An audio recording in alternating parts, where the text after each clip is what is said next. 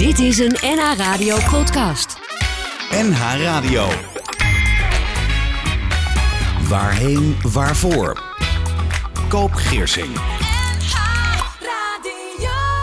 Fijne feestdagen roepen we deze dagen tegen elkaar. Maar hoe fijn zijn die dagen als je er voor de eerste keer alleen voor staat?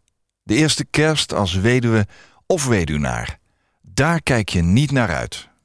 En mijn gast in Waarheen Waarvoor is in het dagelijks leven organisatieadviseur, maar ze is ook ervaringsdeskundige rouw en verlies en auteur van het boek Wij Weduwen zijn een taai volkje. Met als ondertitel Rouwen is topsport zonder voorbereiding. Welkom Maya Stomp. Ja, dankjewel Koop. Dag. Ehm, jouw man Alexander overleed tien jaar geleden plotseling... en jij ging daarna op reis in het land van rouw, zoals je omschrijft. Ja, fijne feestdagen roepen we deze dagen tegen elkaar. Hoe kijk jij naar die kerstperiode, Maya?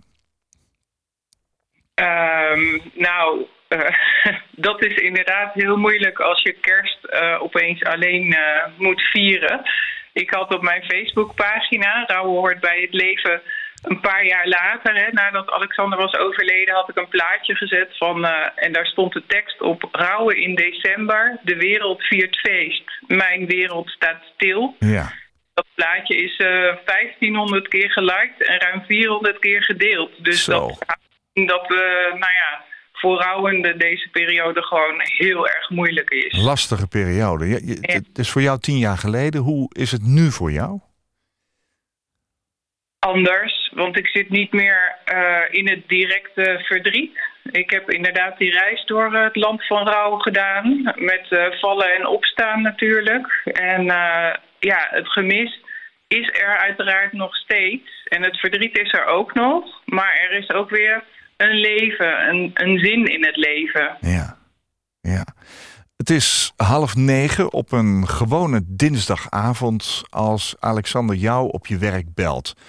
Hij voelt zich niet zo lekker en binnen twee uur verandert jouw leven totaal. Alexander krijgt een bloeding in de hersenstam en overlijdt. En jij bent in één klap weduwe. Je zegt, nabestaan, dat duurt de rest van je leven. Hoe ga jij inmiddels om met dat uh, nabestaan?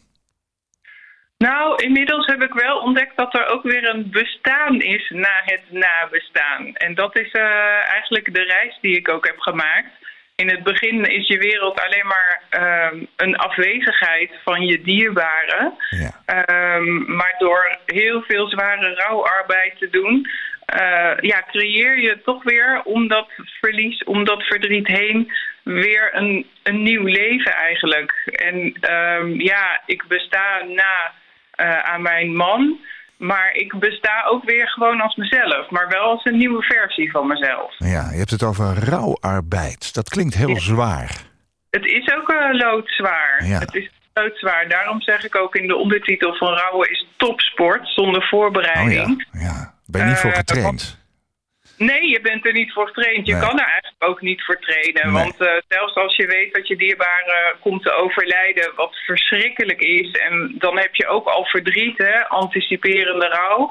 Maar dan nog, je weet pas wat het is als diegene er echt niet meer is. Ja. Ja, dat gevoel, daar moet je dan mee aan het werk. We gaan het erover hebben vandaag in Waarheen Waarvoor en over jouw boek. Mijn gast in Waarheen Waarvoor is Maya Stomp. Zij schreef Wij Weduwen zijn een taai volkje, uitgegeven bij uitgeverij Lente. En zij wil daarmee steun, herkenning en troost bieden aan iedereen die een groot verlies heeft geleden.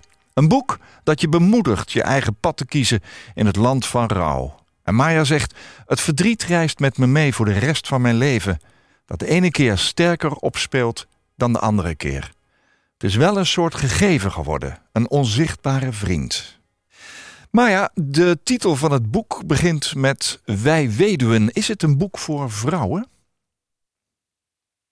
Nou, het is eigenlijk een boek voor iedereen die een verlies heeft geleden. Maar uh, in de praktijk uh, ja, is het toch wel de doelgroep die ik uh, goed bereik. En nou ja, het is ook waar ik natuurlijk zelf ervaring mee heb met het weduw. Ja.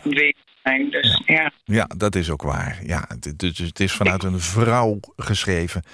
Ja, ik ben nog altijd wel gefascineerd in het verschil in rouwen tussen mannen en vrouwen. Maar dat is een ander onderwerp. Nou ja, ik heb ooit eh, Tim Overdiek te gast gehad... die Ja. een boek heeft geschreven specifiek over verdriet bij mannen. Wat is wat jou betreft het verschil dan? Als je eh, toch zegt, ik ben nou, daardoor ik weet gefascineerd. niet. Ik, ik heb het boek nog niet gelezen, eerlijk gezegd. Maar ik heb wel het idee dat mannen, even heel eh, generaliserend, eerder geneigd zijn om zich weer op het werk te storten of om er ehm, overheen te gaan, zeg maar. Ja, dat is iets wat eh, Tim Overdiek ook wel vertelde. Eh, Oké. We gaan terug naar de tijd voordat eh, Alexander overleed. Hoe zag, hoe zag jouw leven eruit?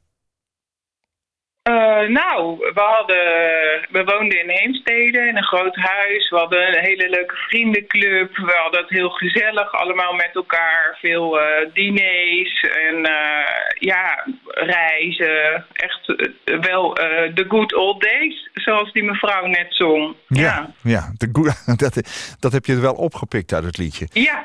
Ja. Alexander belde jou dat hij zich niet goed voelde. En even later overleed hij. Hoe Ja. reageerde jij eh, nou ja, als, als echtgenoot, als mens na het gebeuren?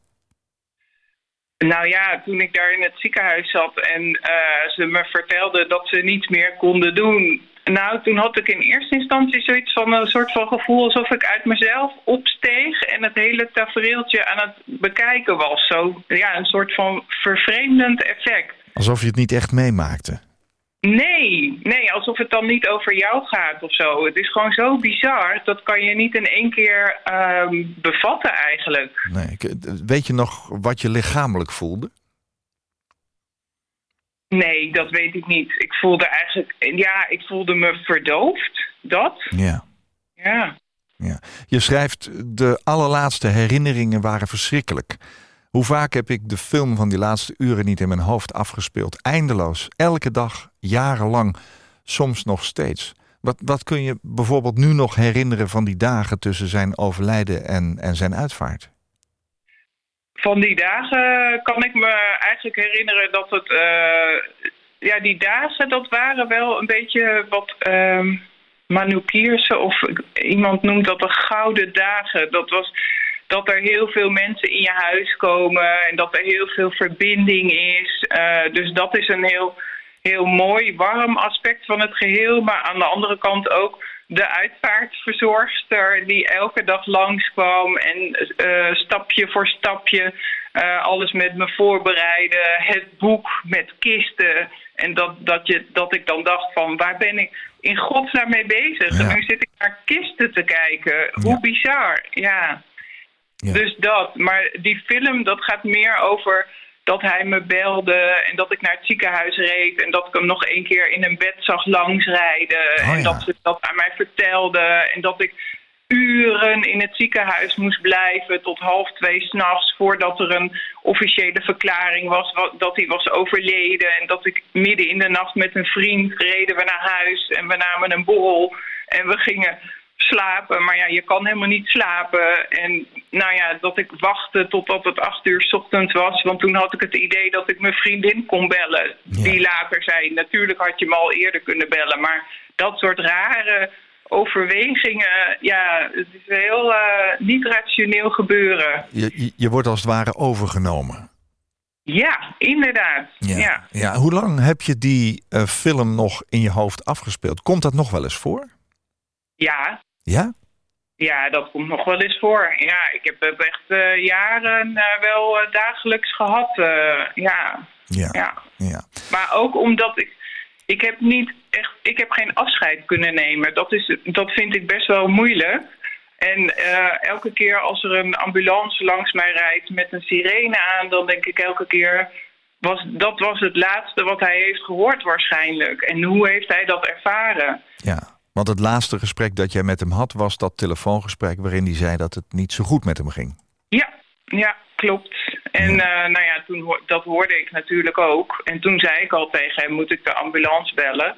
Ehm, maar hij, hij wilde dat in eerste instantie niet. Nee. Maar ik maakte me toch zorgen. Dus uiteindelijk heb ik de buurvrouw ingeschakeld... die gelukkig de sleutel had en thuis was. Nou ja, en toen is het allemaal op gang gekomen. Ja. ja, Heb jij ook een stukje ehm, van de puzzel waarvan je zegt dat heb ik gemist, dat is, dat is weg, dat komt niet meer terug?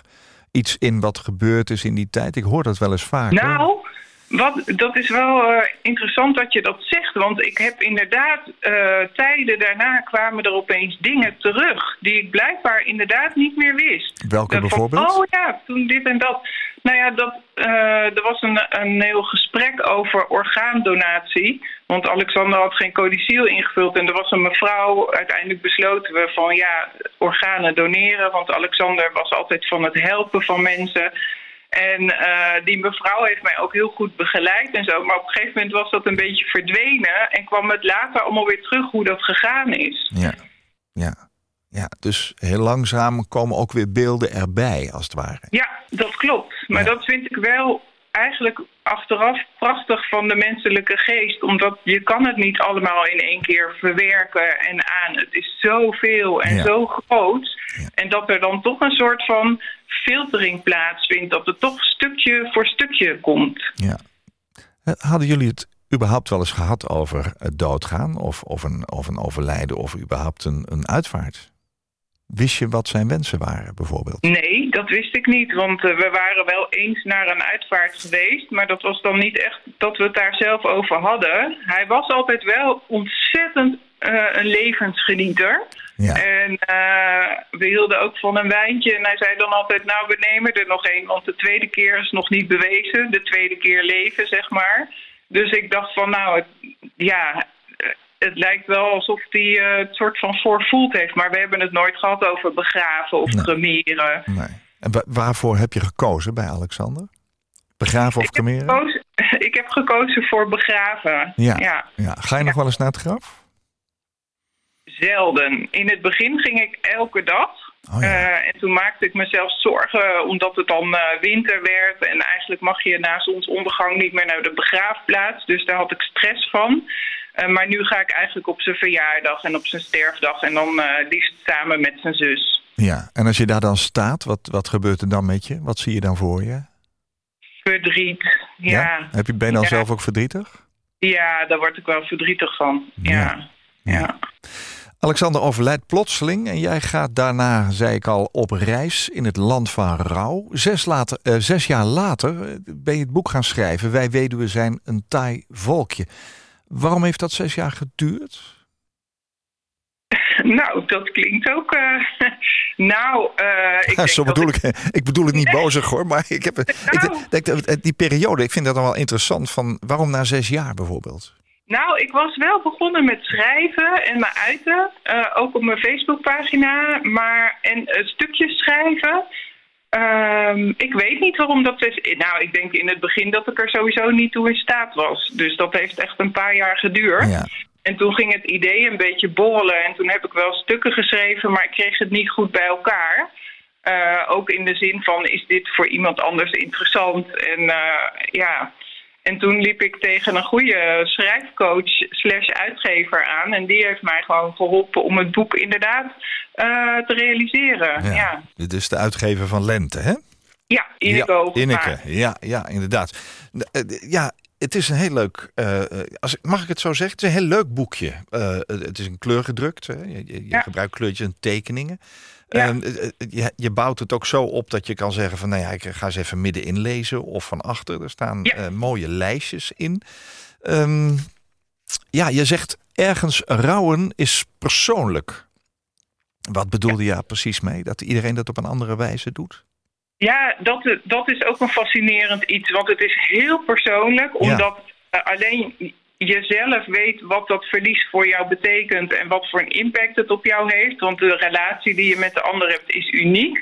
En wat mij dan toch verbaasde, want ik dacht in het begin van nou niemand begrijpt waar ik doorheen ga, niemand weet wat dit betekent. Nee. En dat er dan toch zoveel overeenkomsten zijn als je iemand anders spreekt die ook iemand verloren is. Dus Oh ja. er zijn wel overeenkomsten. ja. ja, maar iedereen pakt het op zijn eigen wijze aan. Dat Ja, en dat is ook prima. Ja, Dat mag ook, dat- hè? Tuurlijk, ja. Ja, ja. Jij helpt mensen die zelf verlies hebben uh, meegemaakt. Uh, je praat met ze, je doet allerlei andere dingen. Je, doet ook, uh, je, je, staat ook voor groepen. Daar komen we straks nog eventjes op. Ja, ik zei al, heb je ooit nagedacht over je eigen uitvaart? Nou, in ieder geval moest je toen allemaal nog bedenken toen Alexander overleden was. Ja. Heb je daar inmiddels voor jezelf een beetje beeld bij gekregen? Want ik heb je gevraagd Nou. om eens drie liedjes mee te nemen... die misschien op je eigen uitvaart gehoord moeten worden.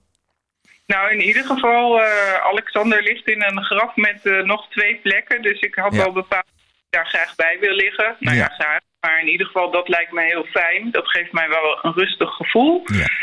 En uh, ik heb toch ook wel zoiets van... mijn uitvaart is iets wat mijn nabestaanden toch ook wel vorm moeten geven. Omdat het ook vooral voor hun is. Die vrijheid die wil je ze graag meegeven. Ja, dat snap ik wel. Dat vind ik ook mooi. Ja. Ja. Drie nummers heb ik gevraagd. Neem, neem die nou eens even mee. Dat heb je gedaan. Het zijn drie heel verschillende eh, nummers. We gaan straks eh, Ja. zelfs naar de, de, de metal toe. Maar Ja. eerst naar een requiem van Mozart. Waarom? Ja, prachtig. Kippenvel, dat is zo prachtig. Ik heb dat voor het eerst gehoord toen ik begin twintig was. In eh, Praag, in een kerk. Nou, dat is echt eh, ja, een enorme goede ervaring. Prachtig om te horen. En toen ik later Alexander ontmoette op mijn 27e... toen bleek hij helemaal fan van eh, Mozart Oh. te zijn. En eh, samen hadden we vier uitvoeringen van het Requiem. En, eh, dus het is zowel iets van mezelf als van ons samen, als een prachtig muziekstuk. En er zit zoveel in, want het is natuurlijk iets voor wat je opdraagt aan doden en dat ze rust kunnen vinden. Dat is ook zo, zo mooi van betekenis. Ja.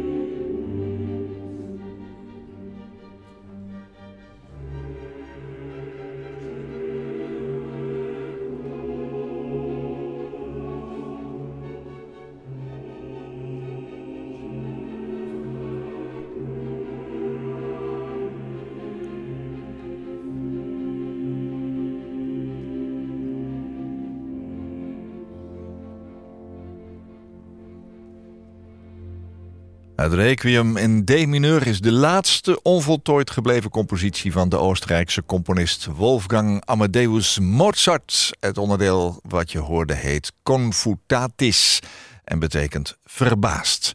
Je luistert naar Waarheen Waarvoor op NH Radio. Mijn gast is vandaag Maya Stomp. Zij schreef na het overlijden van haar man Alexander... Wij weduwen zijn een taai volkje... met als ondertitel Rouwen is topsport zonder voorbereiding. Maya, in je boek uh, schrijf je verlies. Je kunt er niet omheen. Je komt er niet overheen. Je moet er doorheen. En je zegt, ik heb nog verdriet, maar ik ben niet meer mijn verdriet.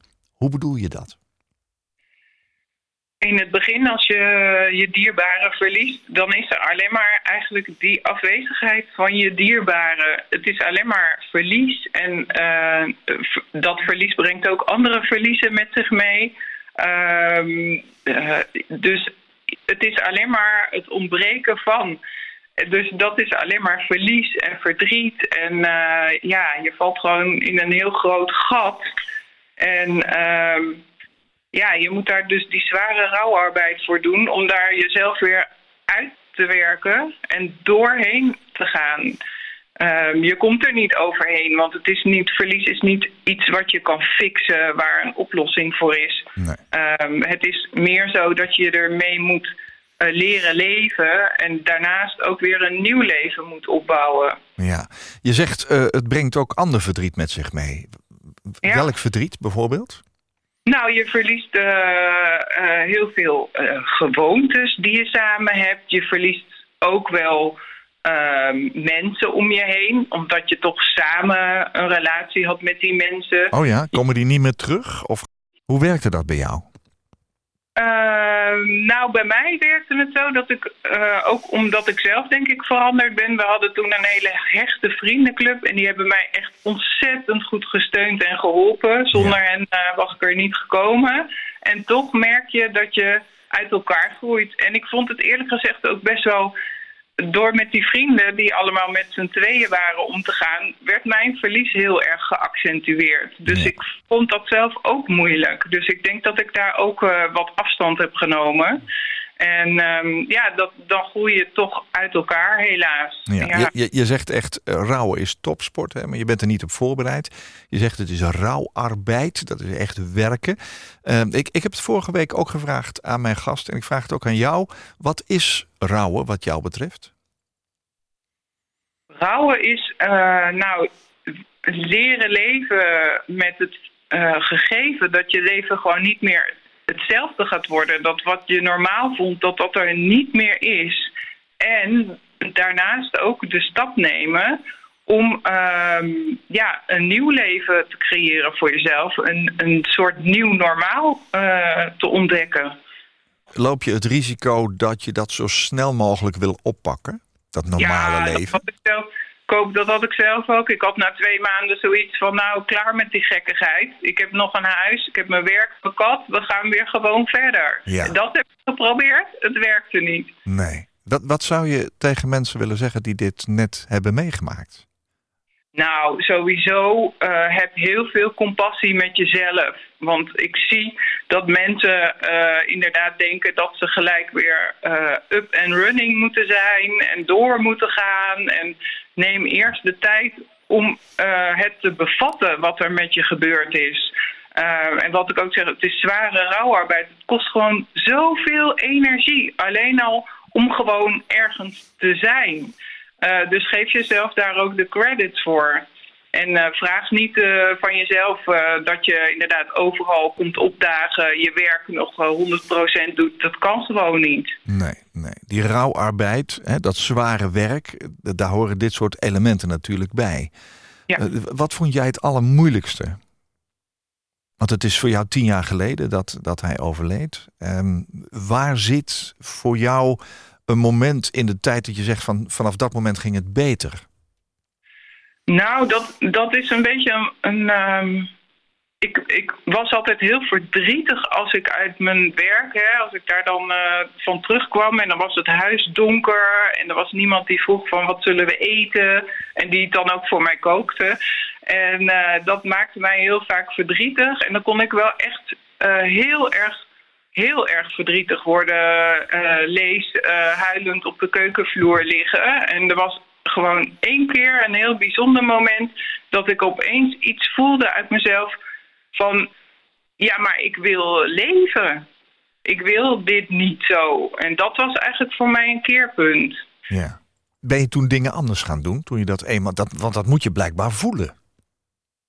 dat moet je voelen inderdaad. En het kwam ook uit mijn tenen of zo. Het was echt... eh, en vanaf dat moment, ja, dat gaf wel een soort kracht inderdaad. Dat ik wist van, ja, ik kan wel heel verdrietig worden en zo... maar ik kan er ook weer overheen komen. Als ik nu eh, zeg maar een inzinking heb, dan kan het morgen weer anders zijn. Het is niet dat het dan altijd zo is. Nee. Eh, Zit er ergens in dat gevoel van verdriet en, en terugkijken ook schuldgevoel? Ja, ja, want je zou met terugwerkende kracht wel meer hebben willen zeggen, inderdaad. Eh, Meer waardering hebben willen uitspreken. En het is niet dat die er niet was of niet gevoeld werd, maar dat is dan toch niet genoeg. Was dat bij jou zo? Had je, had ja, je dat, dat, had ik wel. Ja? Ja, ik had het wel. Ja, want ik echt, als iemand er opeens niet meer is, dan, dan, ja, dat klinkt heel cliché, maar dat is ook een liedje volgens mij. Dan weet je pas wat je mist. Ja, ja, als je het niet Eh, meer hebt. Ja, dat klopt. Precies. En, en daar heb ik hem voor die gewone dingen ook voor. Dat hij altijd voor me kookte en er altijd voor me was. En eh, daar heb ik nooit echt. En dat is ook logisch. Dan ga je niet eh, zeggen van nou bedankt dat je er altijd voor me bent. Maar toch, ja, daar, dat had ik wel meer willen doen. Zou je dat anders doen nu als de situatie zeg maar, zich vernieuwt of verandert? Of als er een, nieuw, nieuw, eh, ja, een nieuwe fase in je leven aanbreekt? Ik zou het wel willen, maar ik vind het toch moeilijk. Ja? Ja, omdat uh, ja, eh, je gaat dat niet zo. Het zijn echt wel intensieve onderwerpen, zeg maar. Ja, ja, ja. er wel echt een, uh, go- een mooie verbinding met elkaar voor hebben. Ja. Ja. Jou- jouw leven bestaat op het ogenblik naast jouw, uh, jouw werk ook uit het begeleiden van andere mensen in hun verdriet en in hun rouw. Je hebt er ook een methode voor die, waarin je gecertificeerd bent. Daar komen we straks nog eventjes op. Door altijd hiermee bezig te zijn, helpt dat jou zelf? Um, nou, Doe je het daarom misschien wel ook een beetje? Nee, dat denk ik eigenlijk niet. Nee? Want daarom ben ik ook geen fulltime uh, rouwcoach. Want ik vind het heel heftig. Het maakt altijd grote indruk op mij als iemand uh, haar verhaal aan mij vertelt. En dat vind ik uh, ja, best wel heftig. Ja. Um, ja en wat, wat mij wel voldoening geeft, is als ik iemand anders een stukje op weg kan helpen. Dat geeft mij, daarom doe ik het eigenlijk.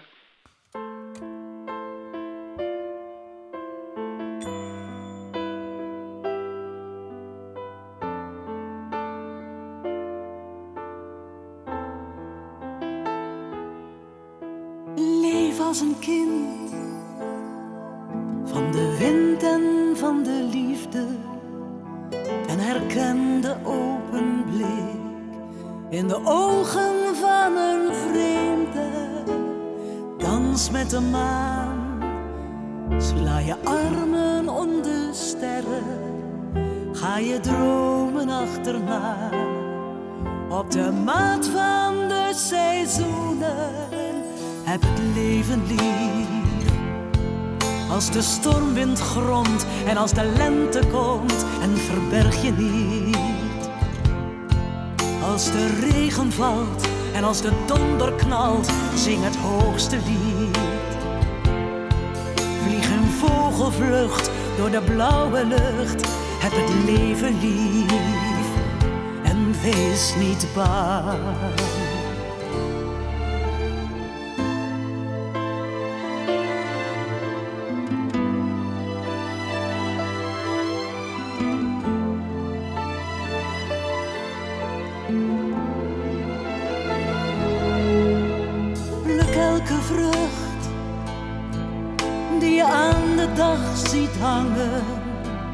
En herken de open lach om de lippen van een vreemde, vrij met de zon en verdrinken als een stralen en omarm zijn spiegelbeeld in de rimpelloze vijver heb het leven lief.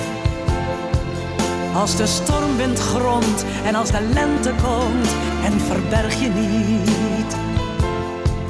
Als de regen valt en als de donder knalt, zing het hoogste lied. Vlieg in vogelvlucht door de blauwe lucht. Heb het leven lief en wees niet bang. Huil als het moet, dat je stikt in al je tranen. Maar ontwapen je verdriet met dezelfde overgave als waarmee je huilt. Je kunt uit je as herreizen, het geluk van het moment. Zet een streep door het verleden. Heb het leven lief. Als de stormwind gromt en als de lente komt en verberg je niet. Als de regen valt en als de donder knalt, zing het hoogste lied. Vlieg in vogelvlucht door de blauwe lucht. Heb het leven lief en wees niet bang. Heb het leven lief. Je ogen dicht of in het volle licht. Hou van wie je ziet. Pak de liefde vast en verlies haar niet. Heb het leven lief. In de grijze nacht en als de morgen lacht. Heb het leven lief en wees niet bang. Wees maar niet bang.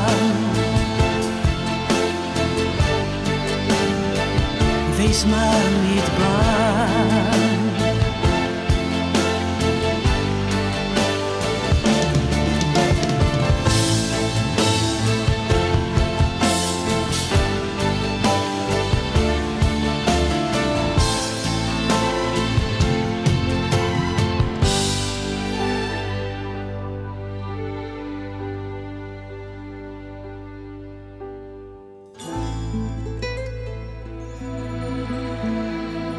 Ze overleed in maart van dit jaar Lisbeth List. En tijdens haar leven zag ze het als een dure plicht. Het leven diende omarmd te worden.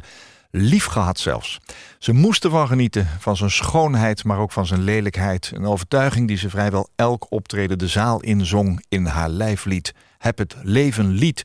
Als de stormwind gromt en als de lente komt en verberg je niet van haar album Vergezicht uit 1999. Maya, dit was een keuze van jou. Wat heb je een prachtig liedje uitgezocht. Ja, dank je. Nou, het is ook een prachtig lied. Geweldige tekst inderdaad. Ja. Ook al stormt het en regent het. Zing je hoogste lied. Want eigenlijk het leven is eh, zo mooi. Het is, zijn echt bemoedigende woorden. En dat geeft ook echt kracht, vind ik. Ja, Eh, ja. ja, het is prachtig. Is het voor jou ook zo? Het leven is mooi? Ja, Na tien jaar ja, weer? Ja, zeker. Ja, vind Ja. ik wel. Ja. 2020 is een bijzonder jaar. We leven onder bijzondere omstandigheden. Hadden we nooit verwacht. Ehm, merk jij dat eh, ook aan de mensen die je begeleidt als, als rouwcoach... dat het anders is, misschien meer eenzaam... dan wat je wel eens eerder hebt meegemaakt? Hebben mensen last van deze periode? Ja, dat denk ik zeker. Eh, want ehm, juist door die verbinding met anderen, eh, dat helpt je ehm, ja, om, om getroost te worden. En die, die mogelijkheden zijn nu gewoon heel beperkt. Eh, dus het risico dat mensen thuis steeds meer geïsoleerd raken, dat, dat vind ik wel zorgelijk. Ja, ja, ja. Nou, daar kun je een mooie rol in spelen. Maya Stomp is mijn gast vandaag in Waarheen Waarvoor. Ze schreef het boek Wij Weduwen zijn een taai volkje. Dat deed ze een aantal jaren nadat haar eigen man Alexander op jonge leeftijd is eh, overleden. Maya, wat heb jij zelf geleerd bij het schrijven van het boek? Nou, wat ik ervan geleerd had, was dat ik ehm, eigenlijk toch wel die hele reis had gemaakt door het landschap van rouw. Eh, en ik noem dat landschap van rouw, maar eigenlijk is het ook vooral een innerlijke reis eh, in jezelf. En ik merkte dat ik ook wel heel erg er weer mij erin moest eh, laten zakken, zeg maar. Dus daardoor merkte ik dat ik eigenlijk toch wel best wel veel van die rouwarbeid had gedaan. Omdat het niet meer heel dichtbij was. Het was niet meer aan de oppervlakte. Het zat Nee. alweer wat dieper. Nee, nee je, je bent aardige specialist geworden ook. Ehm, ben jij zelf begeleid in de periode na het overlijden van Alexander? Ja. Of heb je het allemaal zelf gedaan? Nee, ik heb eh, wel veel zelf gedaan. Maar ik heb ook inderdaad eh, begeleiding gehad van een eh, psychologe. Ja. En dat was heel fijn, heel bemoedigend. En ehm, ja, gewoon ook bevestiging dat je op de goede weg bent. Want soms als je rouwt, je weet gewoon niet waar je in terecht komt. En nou ja, ik dacht op een gegeven moment van, nou, ik ben gewoon gek aan het worden. Ik kan me niks meer herinneren. Het ene moment is het oké en dan ben ik een, een eh, verdrietige eh, persoon. Wat gebeurt er allemaal? En juist eh, dat iemand dat kan duiden en kan bevestigen dat dat erbij hoort. En dat je goed bezig bent, dat heeft mij wel heel erg geholpen. Zou je het iedereen aanraden die nou ja, verlies heeft meegemaakt? Om toch hulp te zoeken? Ja, ik, eh, nou, ik, ja, ik vind dat het echt wel... eh, want het is zoiets ingrijpend. Ja. Uh, dat is helemaal niet gek dat je daar uh, met iemand over praat. En met je vrienden, familie kan je wel heel veel praten. Maar op een gegeven moment, wie gaat er nog naar je luisteren... als je voor de dertigste keer hetzelfde verhaal Ja, vertelt? en die vrienden en familie die houden natuurlijk enorm van je. Dus die willen het beste voor je. En misschien is een, iemand die er buiten staat... kan ook wel eens wat duidelijker zijn. Ja. Jouw kennis en ervaring zet je in om rouwenden te ondersteunen. Je doet dat onder andere door persoonlijke begeleiding en trainingen volgens de Grief Recovery Method, de, de, de rouwherstelmethode. Wat, wat is het voor methode? Het is, uh, nou ja, eerst een disclaimer. Het is niet dat je verlies opgelost wordt, want dat bestaat niet. Maar, nee, oké. Okay. maar het is wel een, uh, een, een, gestructureerde manier om uh, die rouwarbeid te doen. Ja. En dat uh, vind ik zelf heel fijn. Dat is ook een manier van begeleiding om stap voor stap daar doorheen te gaan. En alle gedachten en gevoelens die je hebt worden toch een beetje gestructureerd. En uh, daar ga je stap voor stap doorheen. Je wordt een soort van gegidst er doorheen. Dat... als het ware van een bepaalde periode. Ja, ja. ja klopt. Daar is het op gericht inderdaad. Ze noemen dat uh, ja, in het Amerikaans, want het komt uit Amerika, dan completion. Of je kan het ook voltooide rouw noemen inderdaad. Ja, het, gaat niet, het gaat niet alleen over uh, verlies zeg maar, na een overlijden. Maar het kan natuurlijk ook het verlies van werk zijn. En echtscheiding, Ja. financiën, dat soort zaken. Er zijn zoveel bronnen van verlies. eh, en dat is ook een beetje mijn missie, om dat bespreekbaar te maken. Want mensen denken bij verlies in eerste instantie aan het overlijden van een dierbare. Ja. Dat is natuurlijk heel intens en het meest aangrijpende. Maar er zijn wel iets van 40 bronnen van verlies. En als ik nu kijk naar deze hele coronaperiode, dat is maatschappelijk gezien één groot verlies. Want we kunnen heel veel dingen niet meer. We moeten vrijheid inleveren, vertrouwen in uh, dat het allemaal goed gaat, hebben we niet meer. En ik vind dat daar nog veel te weinig over gesproken wordt. Ja, ja. Wat, waar bestaat de methode eigenlijk uit? De methode bestaat uit het, uh, nou, ten eerste het overdragen van een aantal inzichten van wat je wel helpt en wat je niet helpt als Oh, ja. je te maken hebt met een verlies. En uh, daarnaast ook het structureren van herinneringen, van goede herinneringen en minder goede herinneringen. En het onder woorden brengen van dingen die je eigenlijk nog had willen zeggen of anders had willen doen. En dat geeft wel veel rust als je dat doet. Ja. Ho- Hoe lang duurt het eigenlijk voordat je door zo'n stappenplan heen bent? Uh, nou, dit is eigenlijk, uh, zoals het is opgezet, is het uh, acht bijeenkomsten. Dus die kan je dan elke week doen of om de week. Ja. en er is ook huiswerk. dus, eh, en dat is ook wel fijn, het gevoel dat je zelf iets kan doen, zeg maar. Want als je een verlies lijdt, ben je zo de regie en de controle kwijt. Ja. Dus dat je dan zelf iets kan doen, dat je zelf bewust aan je herstel werkt, is ook al heel fijn. ja, dat snap ik. Doe je dat één op één of, of zijn het ook groepen mensen? Allebei, Ja. allebei. Ja. Want bij groepen heb je natuurlijk heel veel ook aan elkaar, hè? denk ik. ja, precies. Nou zeker, die verbinding helpt ook enorm. Ja. Absoluut. Ja. Ja. Draai je wel eens muziek tijdens zo'n bijeenkomst? Nee, maar dat is wel een leuk idee inderdaad. Het is wel goed dat je dat zegt. Laat iedereen Ja. eens een liedje meenemen die op zijn of haar eigen Ja. uitvaart gehoord moeten worden.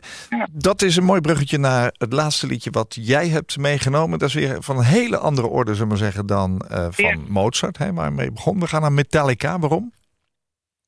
Ja, dit is ook weer zo'n kippenvelnummer. En het, gaat, het is zo de essentie van het gaat alleen hierom en de rest is niet belangrijk. En dat is precies als je een verlies leidt, dan wordt het uh, duidelijk wat belangrijk is en wat niet.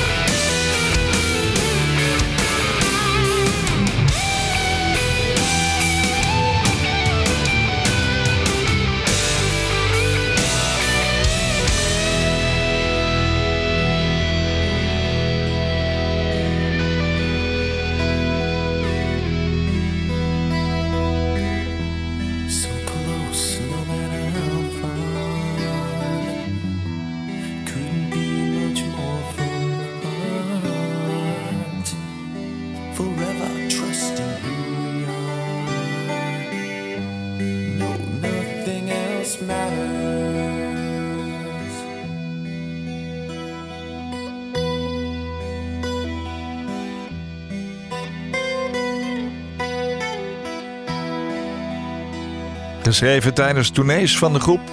In de bus, in een hotel, Nothing Else Matters. Van de groep Metallica uit San Francisco. Ik hoor het nog wel eens in een aula bij een uitvaart. Mooie keuze, Maya. Dank je. Maya Stomp is mijn gast vandaag. Waarheen, waarvoor luister je op NH Radio. Wij weduwen zijn een taai volkje, zo heet jouw boek. Is ook wel een humoristische titel. Het geeft ook aan dat je flexibel bent, maar ook rekbaar. Het boek staat vol met verhalen die herkenbaar zijn, ook na een verlies.